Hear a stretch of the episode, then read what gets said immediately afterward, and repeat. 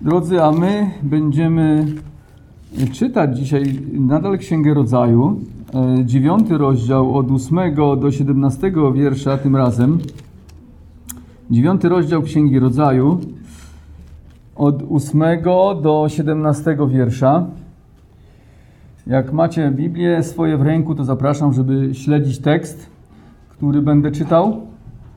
I czytamy.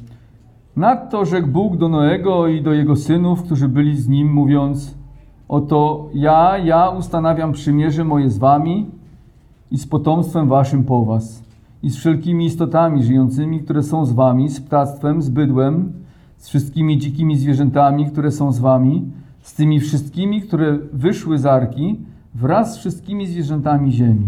I ustanawiam przymierze moje z wami, że już nigdy nie zostanie wytępione żadne ciało wodami potopu i że już nigdy nie będzie potopu, który by zniszczył ziemię.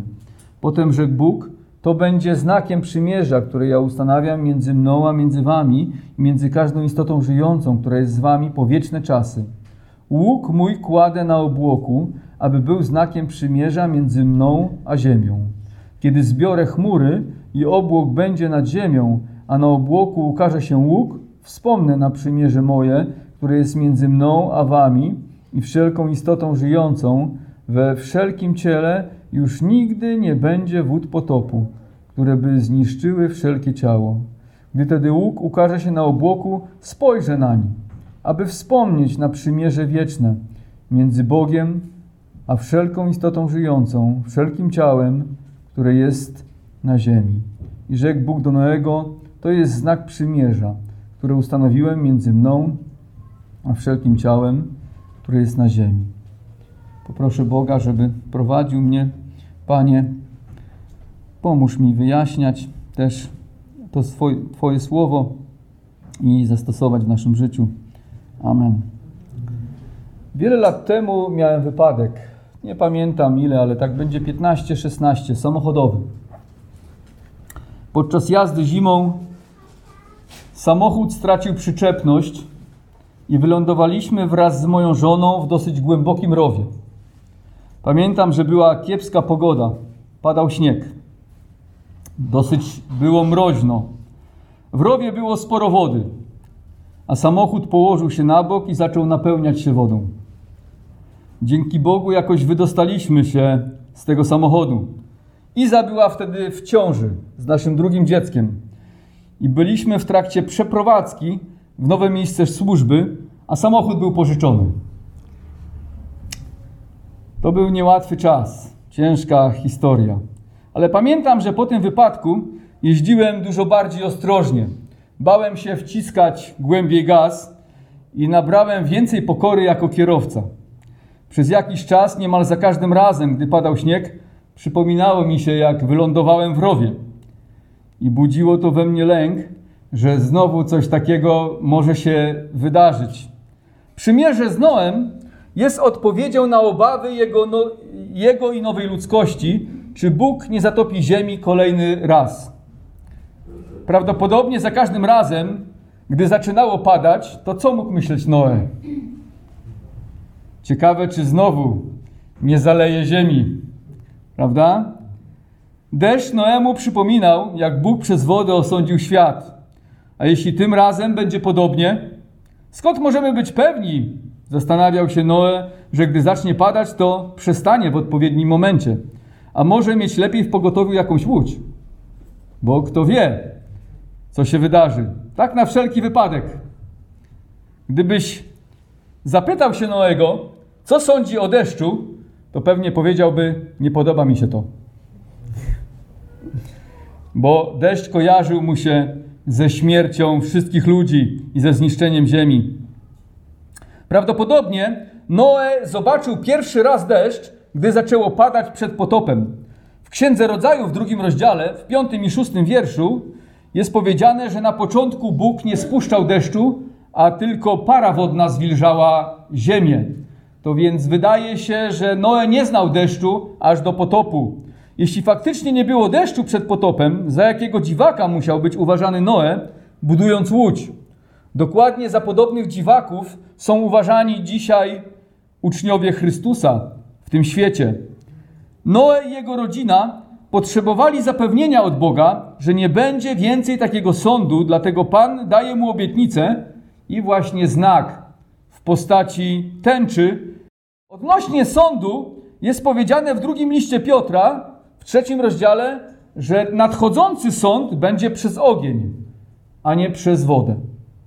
Warto tutaj, warto tutaj w tym fragmencie zwrócić uwagę na powtórzenia słowo przymierze.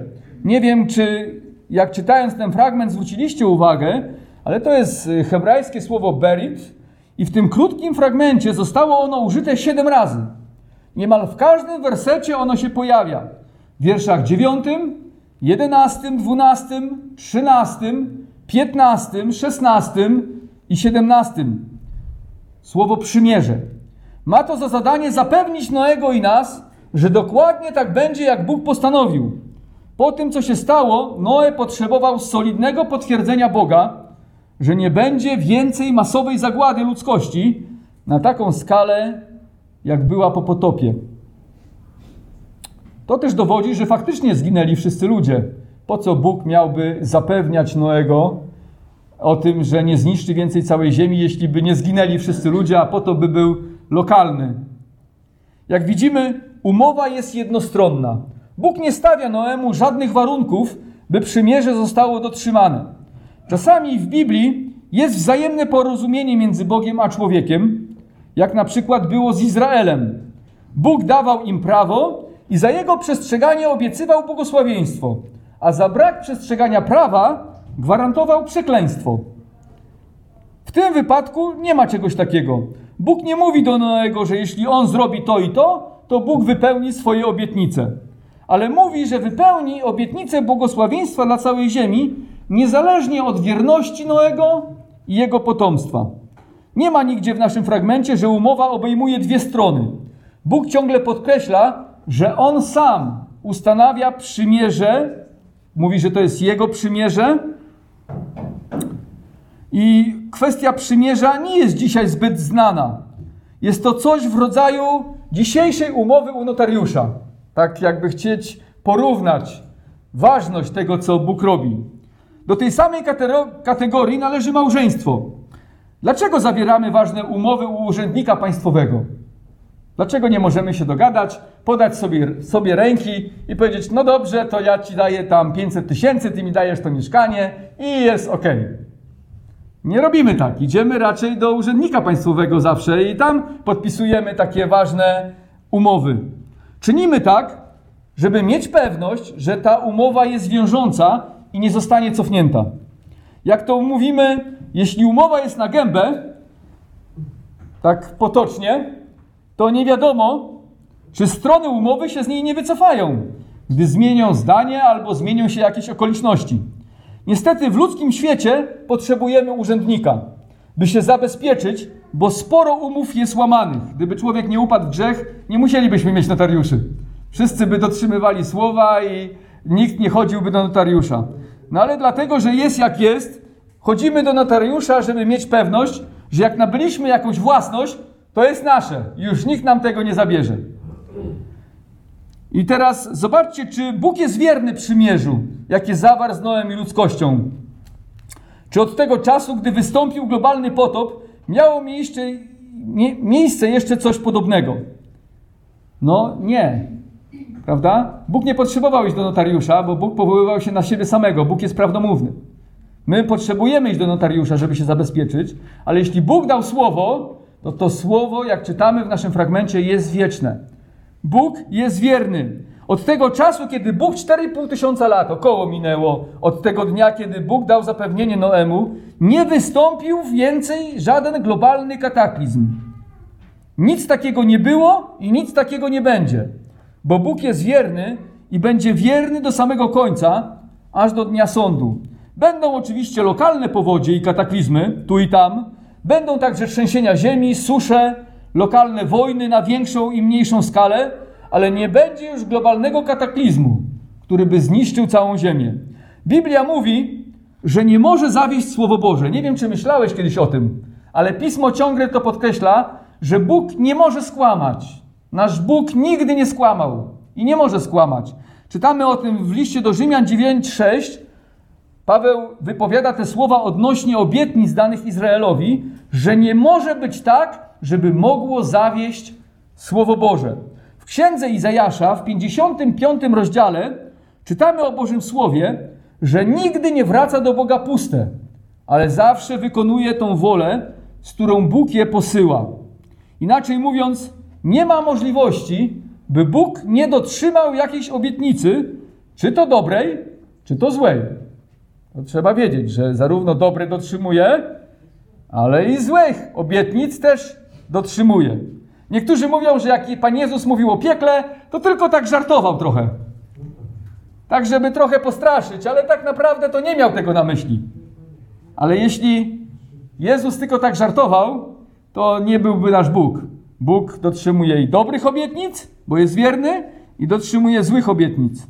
Gdyby tak nie było, to nasz Bóg straciłby wiarygodność i nie byłby Bogiem godnym zaufania i nie byłby w ogóle Bogiem doskonałym. Jeśli byłoby jakieś ryzyko, że jakaś Boża obietnica nie zostanie wypełniona, to moglibyśmy mieć obawy co do zaufania Bogu i powierzenia Mu swojego życia. W rzeczywistości w świecie zawieramy wiele umów i podejmujemy się różnych inwestycji opartych na umowach. A dlaczego tak robimy? Bo wierzymy, że ryzyko straty jest mniejsze niż zyski, które nam to przyniesie. A teraz zobaczcie, inwestujemy w świecie, zawieramy jakieś umowy, ale nie mamy 100% pewności, że ta umowa będzie dotrzymana. A tutaj z Bogiem mamy 100% pewności, że wszystkie obietnice, które Bóg nam złożył, zostaną dotrzymane. Pismo mówi i pokazuje, że Pan jest wierny i dotrzymuje każdego przymierza, jakie zawarł z ludźmi. Mamy przymierze z Noem i widzimy Bożą wierność do dzisiaj. Innym przymierzem jest przymierze z Abrahamem. Bóg obiecał mu potomstwo tak liczne jak gwiazdy na niebie. Obiecał, że uczyni jego imię sławnym i obiecał również, że będzie go chronił i da też przez jego potomka błogosławieństwo dla wszystkich narodów. I powiedział także, że da ziemię na własność jego potomstwu. Drodzy, i dokładnie tak się stało. Bóg wypełnił wszystkie obietnice dane Abrahamowi. Stworzył z jego nasienia Izraela. Gdyby Abraham żył dzisiaj, tak, żyje u Boga, ale gdyby żył na ziemi, zobaczyłby wszystkich swoich potomków. Miliony ludzi na całym świecie pochodzi dzisiaj od Abrahama. Bóg wypełnił tą obietnicę. Z potomstwa też Abrahama Bóg dał Zbawiciela.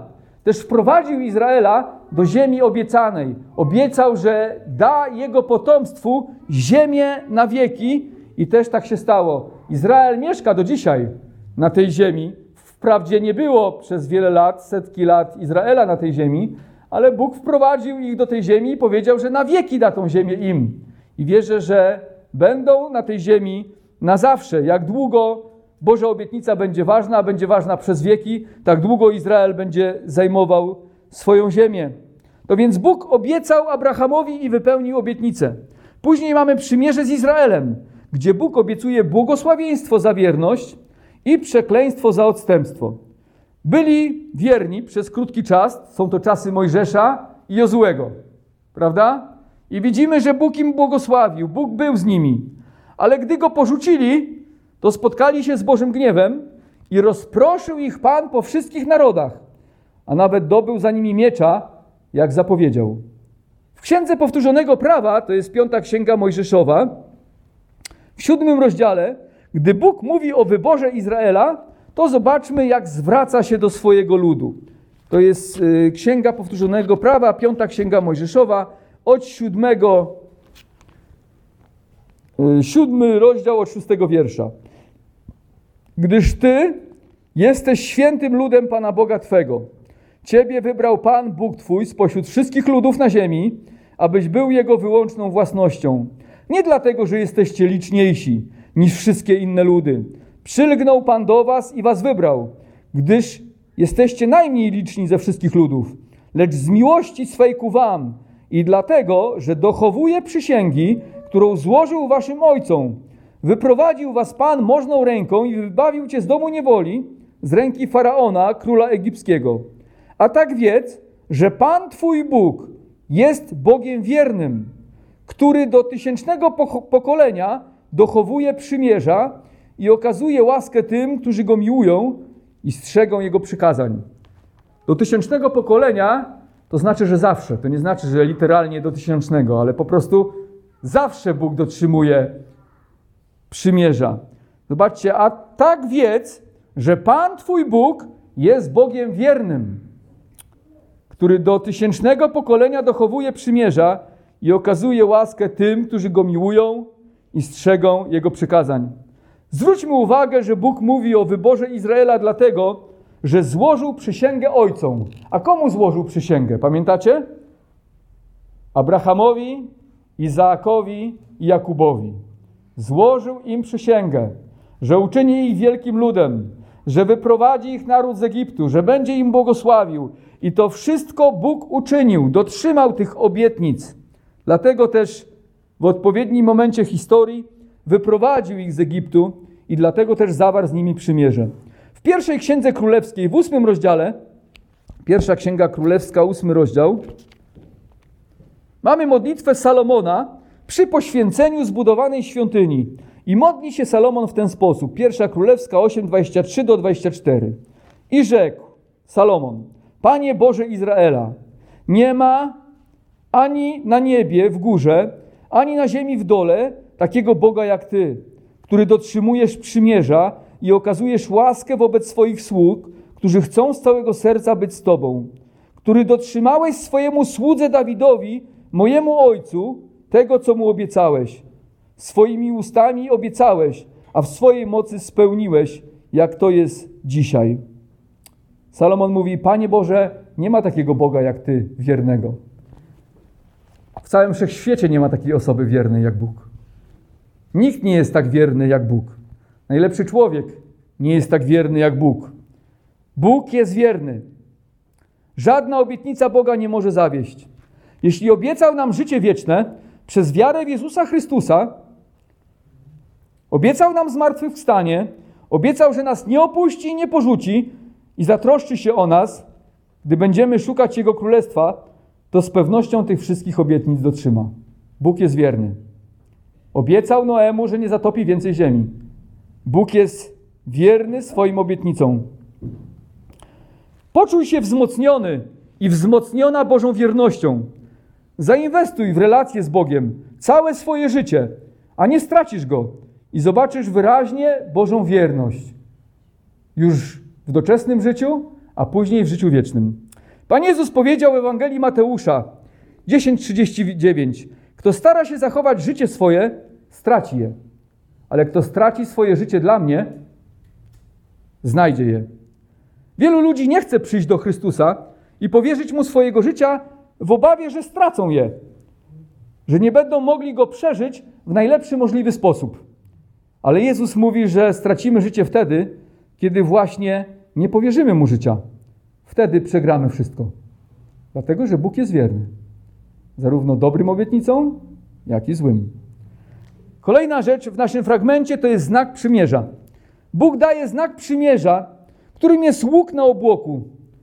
Znamy ten łuk jako tęczę dzisiaj, która ma się pojawiać wtedy, kiedy Bóg zbierze chmury i zacznie padać. Zwróćmy uwagę, że znak przymierza jest ściśle związany z kataklizmem, jaki nastąpił. Znakiem przymierza nie jest coś, co zupełnie nie odnosi się do potopu, ale coś, co na niego wskazuje. Teraz za każdym razem, gdy zaczynało padać i Noe może się bał oraz jego rodzina lub ludzie po nich, wiedząc o potopie, obawiając się zagłady ziemi, wychodzili, patrzyli, jest tęcza, będzie dobrze, będzie dobrze. Bóg obiecał, że nie zaleje ziemi. Prawda? Gdy pojawiała się tęcza, mogli poczuć się bezpiecznie. I mówiła im ona, że nie muszą się bać, bo Bóg obiecał, że więcej nie będzie takiej zagłady. To prawdopodobnie również oznacza, że wcześniej tęczy nie było i Noe widzi ją po raz pierwszy po potopie. Wydaje mi się, że gdy Bóg mówi Noemu o tęczy, Noe nie wie o co chodzi. Ale dopiero jak zaczyna padać i widzi, jak tęcza się pojawia, to zaczyna rozumieć, co Bóg chciał mu powiedzieć. Że łuk mój kładę na obłoku. Noe wcześniej tego nie widział. zmieniły się na Ziemi warunki pogodowe i tęcza stała się możliwa. Dla nas dzisiaj nie jest to jakieś niezwykłe zjawisko, ale dla Noego, który mając ponad 600 lat nigdy wcześniej czegoś takiego nie widział, musiało być to coś niezwykłego. Z naukowego punktu widzenia tęcza składa się z siedmiu kolorów: czerwony, pomarańczowy, żółty, zielony, niebieski, indygo i fioletowy. Kolor indygo, może ktoś pierwszy raz słyszy, jest taki podobny do niebieskiego. Warto tu zwrócić uwagę, że siódemka w Biblii jest liczbą doskonałą, wskazując na pełnię czegoś. Więc wydaje mi się, że to nie jest przypadek, że znak przymierza Boga z ludźmi jest przedstawiony w siedmiu kolorach. Kolory te powstają, gdy światło słoneczne wchodzi w interakcję z kroplami deszczu. Światło słoneczne jest załamywane, gdy wpada do kropli deszczu, co powoduje różne długości fal światła widzialnego. Taka fizyka trochę. Różne długości fal światła widzialnego rozdzielają się i stają się różnymi kolorami. Dłuższe fale światła, takie jak czerwone, są załamywane w najmniejszym stopniu, podczas gdy krótsze fale, fioletowe i niebieskie, są załamywane w największym stopniu. A wszystko to ma związek, co ciekawe, z kątem, pod jakim słońce świeci przez różne krople deszczu. Jeśli kąt między załamanym światłem a normalną powierzchnią kropli jest większy niż kąt krytyczny, to jest około 48 stopni, światło odbije się od tylnej części kropli deszczu. Jeśli kąt jest mniejszy niż 48 stopni, światło po prostu przejdzie przez krople i nie będzie koloru. Odbite światło jest załamywane, gdy opuszcza krople deszczu. To więc w zależności od kąta, pod jakim słońce przechodzi przez krople deszczu, załamuje ona określony kolor. Musi być to kąt między 40 a 48 stopni. To tworzy rozpiętość kolorów. W innych kątach nie ma kolorów. Dla współczesnego człowieka, który może rozumieć ten proces, wydaje się, że nie ma tu żadnej tajemnicy i mamy do czynienia z czymś naturalnym. A jednak pismo mówi, że to Bóg uczynił tęczę po potopie, by była znakiem przymierza między stworzeniem a Bogiem. Najważniejsze dla nas w tęczy to nie jest wiedzieć, jak zachodzi ten proces powstawania kolorów, ale pamiętać o jej znaczeniu, jakie daje Bóg tęczy. I dziękować za to Bogu oraz uwielbiać Go, że choć Ziemia na to nie zasługuje, nie tylko Ziemia, ale ja też nie zasługuję na to, ani Ty nie zasługujesz na to, żeby żyć i żeby Bóg okazywał nam łaskę. Nie zasługujemy na to, bo jesteśmy grzesznymi ludźmi. Nikt na ziemi na to nie zasługuje. A jednak Bóg jest dobry dla nas. Pamiętacie? Tam Pan Jezus powiedział, że Bóg jest dobry dla złych i niewierzących. Mówił Pan Jezus. Jest dobry dla tych ludzi. Chociaż ma wiele powodów, żeby zniszczyć ziemię, to Bóg jest dobry. I Pan Jezus mówi: bądźcie jak Ojciec nasz niebieski w niebie. Przebaczajcie swoim wrogom, bo On jest dobry dla złych i niewierzących. Kiedyś tęcza była dla mnie wyłącznie pięknym zjawiskiem atmosferycznym, a teraz pobudza moje serce do wdzięczności Bogu i wznosi moje myśli ku Niemu.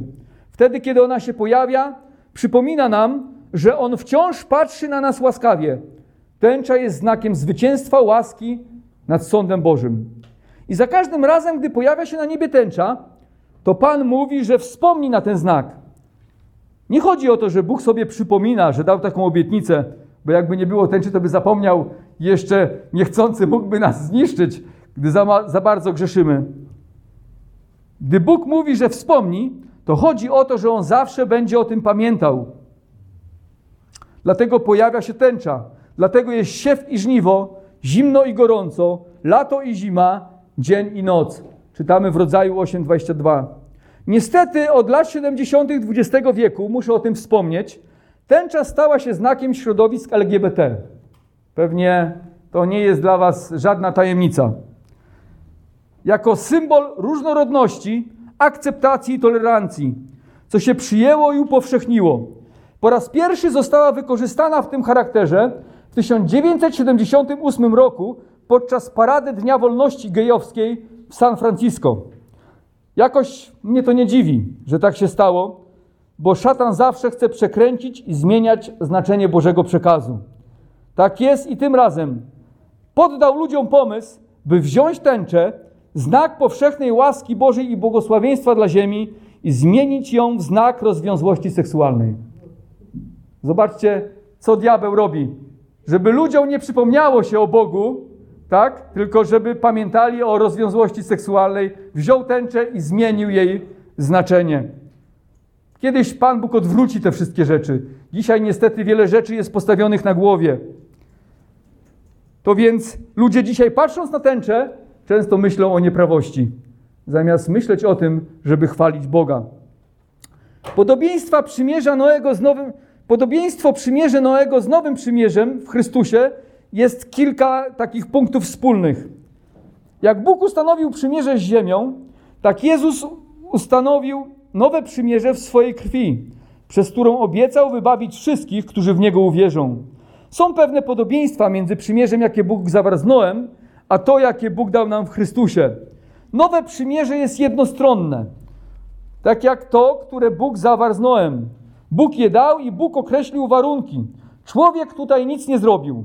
Warunkiem nowego przymierza, przymierza jest, że trzeba uwierzyć w Jezusa, a On z łaski przebaczy nam grzechy i oczyści nas od wszelkiej nieprawości, dając nam życie wieczne. Nie ma innego sposobu zbawienia, jak tylko przyjęcie tego daru. Jeśli ktoś nie chce tego przymierza, do tego przymierza przystąpić, ignoruje je, chce zapracować na swoje zbawienie, to niestety Biblia mówi, że nie będzie zbawiony. Bóg nie zmieni warunków, na jakich postanawia przebaczyć ludziom, bo to znaczyłoby, że śmierć Jezusa nie była konieczna i jest mało istotna. Bóg ustanowił warunki, nie można ich zmienić. Może się Tobie to nie podobać i wielu ludziom się to nie podoba, ale nie można zmienić tych warunków. Bóg mówi, takie są warunki nowego przymierza. I możesz przystąpić do tego przymierza i uwierzyć w Chrystusa, możesz się na to przymierze wypiąć, ale wtedy będziesz przez Boga sądzony. Przymierze w Chrystusie też jest wieczne, podobnie jak to, które Bóg zawarł z Noem. W liście do Hebrajczyków w 5 i 9 rozdziale czytamy, że Pan zagwarantował nam wieczne zbawienie, wieczne odkupienie. Jego ofiara złożona na krzyżu nigdy nie straci mocy, nie musi być powtarzana, ale działa zawsze na wszystkich, którzy do tego przymierza przystępują. Nie musimy się obawiać, że Bóg kiedyś zmieni warunki tego przymierza. Jeśli uwierzyłeś w Jezusa, to nie musisz bać się, że jak pójdziesz do nieba i staniesz przed bramami nieba, to Bóg powie, wiesz, żartowałem. Albo warunki się zmieniły, bo okoliczności zaszły inne. Nie wiem, czy tak jest, ale kiedyś słyszałem, że Allah może to zrobić. Że Allah może powiedzieć, wiesz, tak naprawdę to zmieniły się warunki, żartowałem. Prawda? I nie wpuści człowieka do nieba. Oczywiście Allah do żadnego nieba nikogo nie wpuszcza, ale muzułmanie wierzą, że tak jest. Ale nasz Bóg jest wierny, jak mówiliśmy. I teraz czytaliśmy też w liście do Hebrajczyków, 5 i 9 rozdział, że przymierze jest wieczne. Jest zawsze ważne. Krew Jezusa zawsze ma moc, żeby oczyścić nas od naszych grzechów. Jak długo będzie istniał świat, zbawienie będzie wciąż na tych samych warunkach. Przez wiarę w śmierć i zmartwychwstanie Jezusa. Przymierze w Chrystusie też jest uniwersalne i takie też było z Noem. Oznacza to, że jest dostępne dla wszystkich. Każdy, kto uwierzy w Chrystusa, będzie zbawiony. Pan Jezus zapraszał do siebie każdego człowieka. Ewangelia Jana 3,16, Maciek nawet dzisiaj wspominał ten fragment, mówi tak. Ale bowiem tak Bóg umiłował świat, że Syna swego jednorodzonego dał, aby każdy, kto weń wierzy, nie zginął, ale miał życie wieczne. A Pan Jezus mówił, chodźcie do mnie wszyscy, którzy jesteście spracowani, umęczeni, a ja dam wam odpocz odpocznienie. Jezus chce przyjąć wszystkich ludzi. Bóg chce, aby wszyscy przyszli do Jezusa Chrystusa i zaprasza również wszystkich. Apostoł Paweł w 17 rozdziale dziejów apostolskich mówi o tym, że Bóg wzywa wszędzie i wszystkich ludzi do upamiętania. Chce każdego przygarnąć. Jezus może zbawić wszystkich ludzi, ale będą zbawieni tylko ci, którzy przyjmą i uwierzą. Innym podobieństwem jest danie znaku przymierza. Noe otrzymał tęczę. My otrzymaliśmy wieczerzę pańską. Dzisiaj mogliśmy ją obchodzić. Za każdym razem, gdy do niej przystępujemy, przypominamy sobie, że Chrystus zapłacił za nasze grzechy i sąd Boży dla nas minął. Gdy Noe wychodził na zewnątrz i patrzył na tęczę, to przypominał sobie, że sąd Boży minął i Bóg już nie będzie sądził ziemi wodami potopu. Gdy my przystępujemy do wieczerzy pańskiej, przypominamy sobie, że Jezus poniósł nas- nasz grzech na krzyż i sąd dla nas minął. Nie będzie już dla nas kary. Dla tych, którzy wierzą w Jezusa Chrystusa, Pismo mówi, że nie ma żadnego potępienia. Zobaczcie, jaka wspaniała obietnica. Żadnego potępienia. Tak też będzie wierny Bóg w kwestii naszego zbawienia, jak był wierny Noemu i doprowadzi je do końca. Nie może być tak, by mogło zawieść Słowo Boże. Uchwyćmy się więc Bożych obietnic i w oparciu o nie działajmy. Amen. Zachęcam do powstania, do modlitwy. Panie, bardzo dziękujemy Ci za Twoją wierność, że jesteś wierny temu przymierzu, które zawarłeś z Noem i z całą ludzkością. I widzimy to dzisiaj. Dlatego tu jesteśmy na tej ziemi. Nie przyszedł żaden kataklizm i nie przyjdzie aż do powrotu Chrystusa. Globalny kataklizm. Panie, ale to wskazuje wszystko na to, jak jesteś wierny w zbawieniu, które dałeś przez Jezusa Chrystusa. Panie, że możemy Tobie zaufać, że nie musimy się bać. Nie musimy się bać, że zmienisz warunki, że powiesz któregoś dnia, że się pomyliłeś albo że żartowałeś, ale wiemy, że jak uwierzymy w Ciebie i zaufamy Tobie, to możemy być całkowicie pewni, że przebaczyłeś wszystkie nasze grzechy i wprowadzisz nas do Królestwa Bożego. Bardzo Ci dziękuję. Panie, Ty jesteś Bogiem wiernym. Ty jesteś Bogiem, który daje znak przymierza i tym znakiem dla nas dzisiaj jest Wieczerza Pańska. Dzisiaj sobie przypominaliśmy, jak nas zbawiłeś, jak oddałeś swoje życie za nas. Błogosław braci, siostry, mnie samego i nas wszystkich, abyśmy Twoją wiernością byli posileni i zachęceni do działania dla Twojej chwały. Amen.